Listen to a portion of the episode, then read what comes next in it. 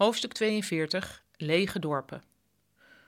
Doordat Japan vergrijst en veel jonge mensen naar de steden trekken, staan er in het land veel dorpen leeg. Ik bezocht een keer een dorp in de prachtige natuur van Shikoku, het kleinste van de vier Japanse hoofdeilanden. In dit bijna leeggelopen dorp woonde een vrouw die poppen maakte van iedereen die ooit in het dorp had gewoond. Het resultaat van haar nijverheid was een beetje luguber. Een leegstaande school met allemaal stoffen poppen die de kinderen voorstelden, die inmiddels allemaal in de stad Osaka woonden. Op de velden stonden verzakte poppen achter ploegjes die niemand meer gebruikte. Daar zou je depri van kunnen worden, en dat werd ik ook wel, maar de vrouw die de poppen maakte was wel gemoed.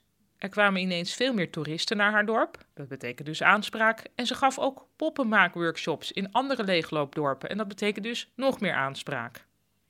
Als je trouwens geïnteresseerd is, dit staat niet in het boek, maar zeg ik er even bij. Ik geniet zelf best wel van het Instagram-account Cheap Houses Japan. Daar is iemand die, ehm, die dus allerlei funda-achtige websites bijhoudt in Japan. En, en met foto's erbij. En dan kun je dus heel goedkope huizen zien in Japan. Maar dan moet je wel in Japan willen, willen wonen, maar echt zo van onder een ton, een gigantisch huis ergens in de natuur.